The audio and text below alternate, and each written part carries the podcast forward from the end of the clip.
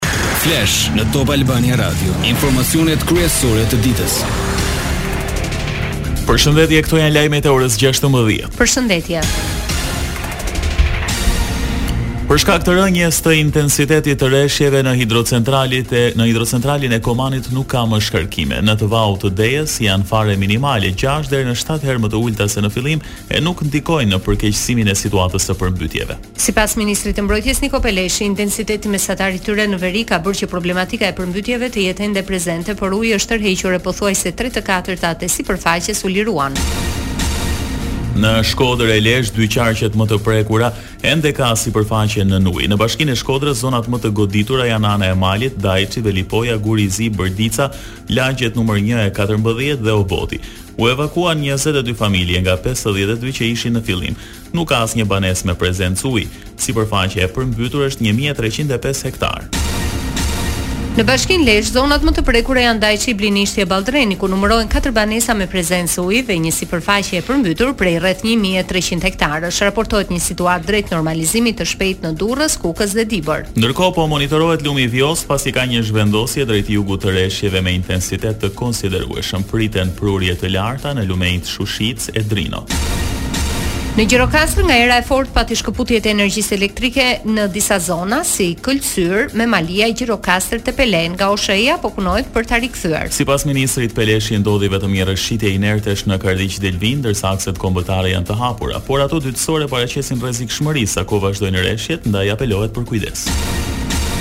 Korporata elektroenergjetike arkëton dy pikë gjashtë milionë euro pas të dytës procedurë të shitjes në pak ditë. Çmimet me të cilat u zhvillua kjo procedurë në raport me bursën janë të përafërta, duke reflektuar fashat orare në të cilat u tregtua energjia. Për të dyja procedurat, KESH-i ka arkëtuar tre pikë tre milionë euro, që sërish mbeten një pikë uji në oqean në raport me shpenzimet që deri më njëzet nëntor arritën katërqind e tridhjetë milionë euro.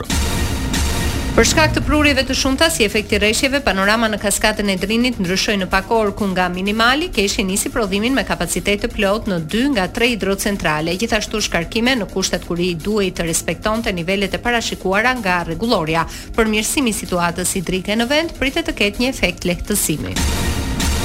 Sa i përket parashikimit të motit, edhe në vijim në vendin tonë do të dominojnë kushte atmosferike të paqëndrueshme, me vranësira e reshje shiu kryesisht në veri e në jug të territorit, ndërkohë temperaturat luhaten në vlera ditore nga katër në shtatëmbëdhjetë gradë Celsius. Lajmet në internet në adresën www.topalbaniaradio.com.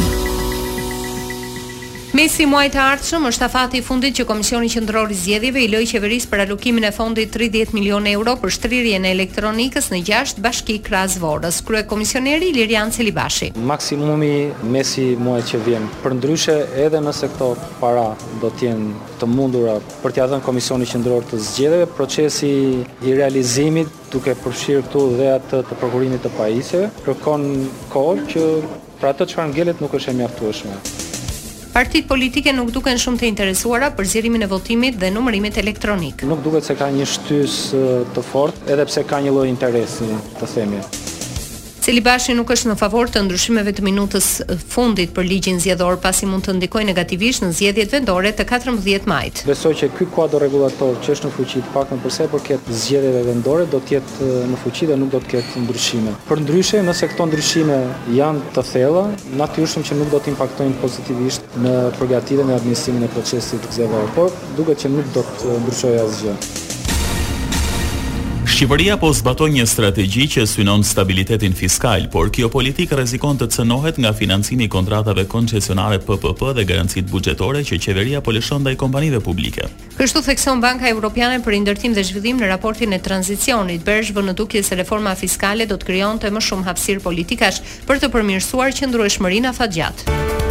Lajme nga rajoni. Me ndërmjetësimin e të dërguarit të BE-s Miroslav Lajçak, kryenegociatorët e Kosovës e Serbisë takohen në Bruksel, kjo për të diskutuar zgjidhjen mbi çështjen e targave ilegale serbe. Besnik Bislimi dhe Petar Petkoviq konfirmuan pjesëmarrjen në takimin e konsideruar urgjent që vjen dy ditë pas atij që rezultoi pa marrëveshje mes Kurtit e Vuçiçit.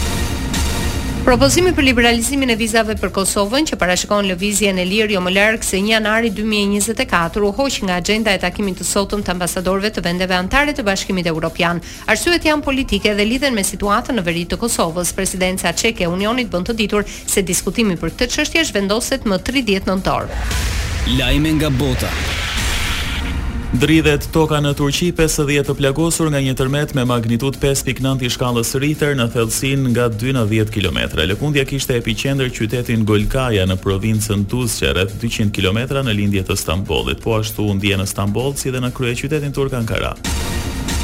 Agjencia e Menaxhimit të Fatkeqësive dhe Emergjencave në Turqi bëri të ditur se për shkaqe sigurie u ndërpre edhe energjia elektrike. Turqia shtrihet pranë pllakave tektonike dhe goditet nga tërmetet në mënyrë të vazhdueshme. Tërmeti më vdekjeprurës i tridhjetë viteve të fundit është ai i një mijë e nëntëqind e nëntëdhjetë e nëntës që shkaktoi rreth shtatëmbëdhjetë mijë viktima. Skocia nuk mund të mbajë referendum të dytë për pavarësi pa lejen e qeverisë britanike, kështu vendosi sot Gjykata e Lartë e Mbretërisë së Bashkuar. Ky vendim e kthen pas fushatën e ekzekutivit skocez që synonte të largohej nga Mbretëria e Bashkuar. Kur, në vitin dy mijë e katërmbëdhjetë, skocezët nuk pranuan t'i jepnin fund bashkimit më shumë se treqind vjeçar me Anglinë. Sport. Kupa e Botës, Japonia bën surprizën në Katar. Ndeshja Gjermani-Japoni sapo mbyll me rezultatin 1 me 2. Kujtojmë se në kuadër të Kupës së Botës sot luhen 3 ndeshje, dy prej të cilave të zhvilluara tashmë. Më herët Marok-Kroaci përfundoi zero me zero me rrjeta të paprekura në atë që u pagëzua si fitorja e frikës. Belgjikë-Kanada në orën njëzet është i fundit takim i kësaj të mërkure. Ndoqët një përmbledhje kryesore të lajmeve të ditës. Takimi informativ i radhës në Top Albania Radio është në orën 17. Unë jam Edi Hallaçi. Unë jam Doriana Lato. Kjo është Top Albania Radio.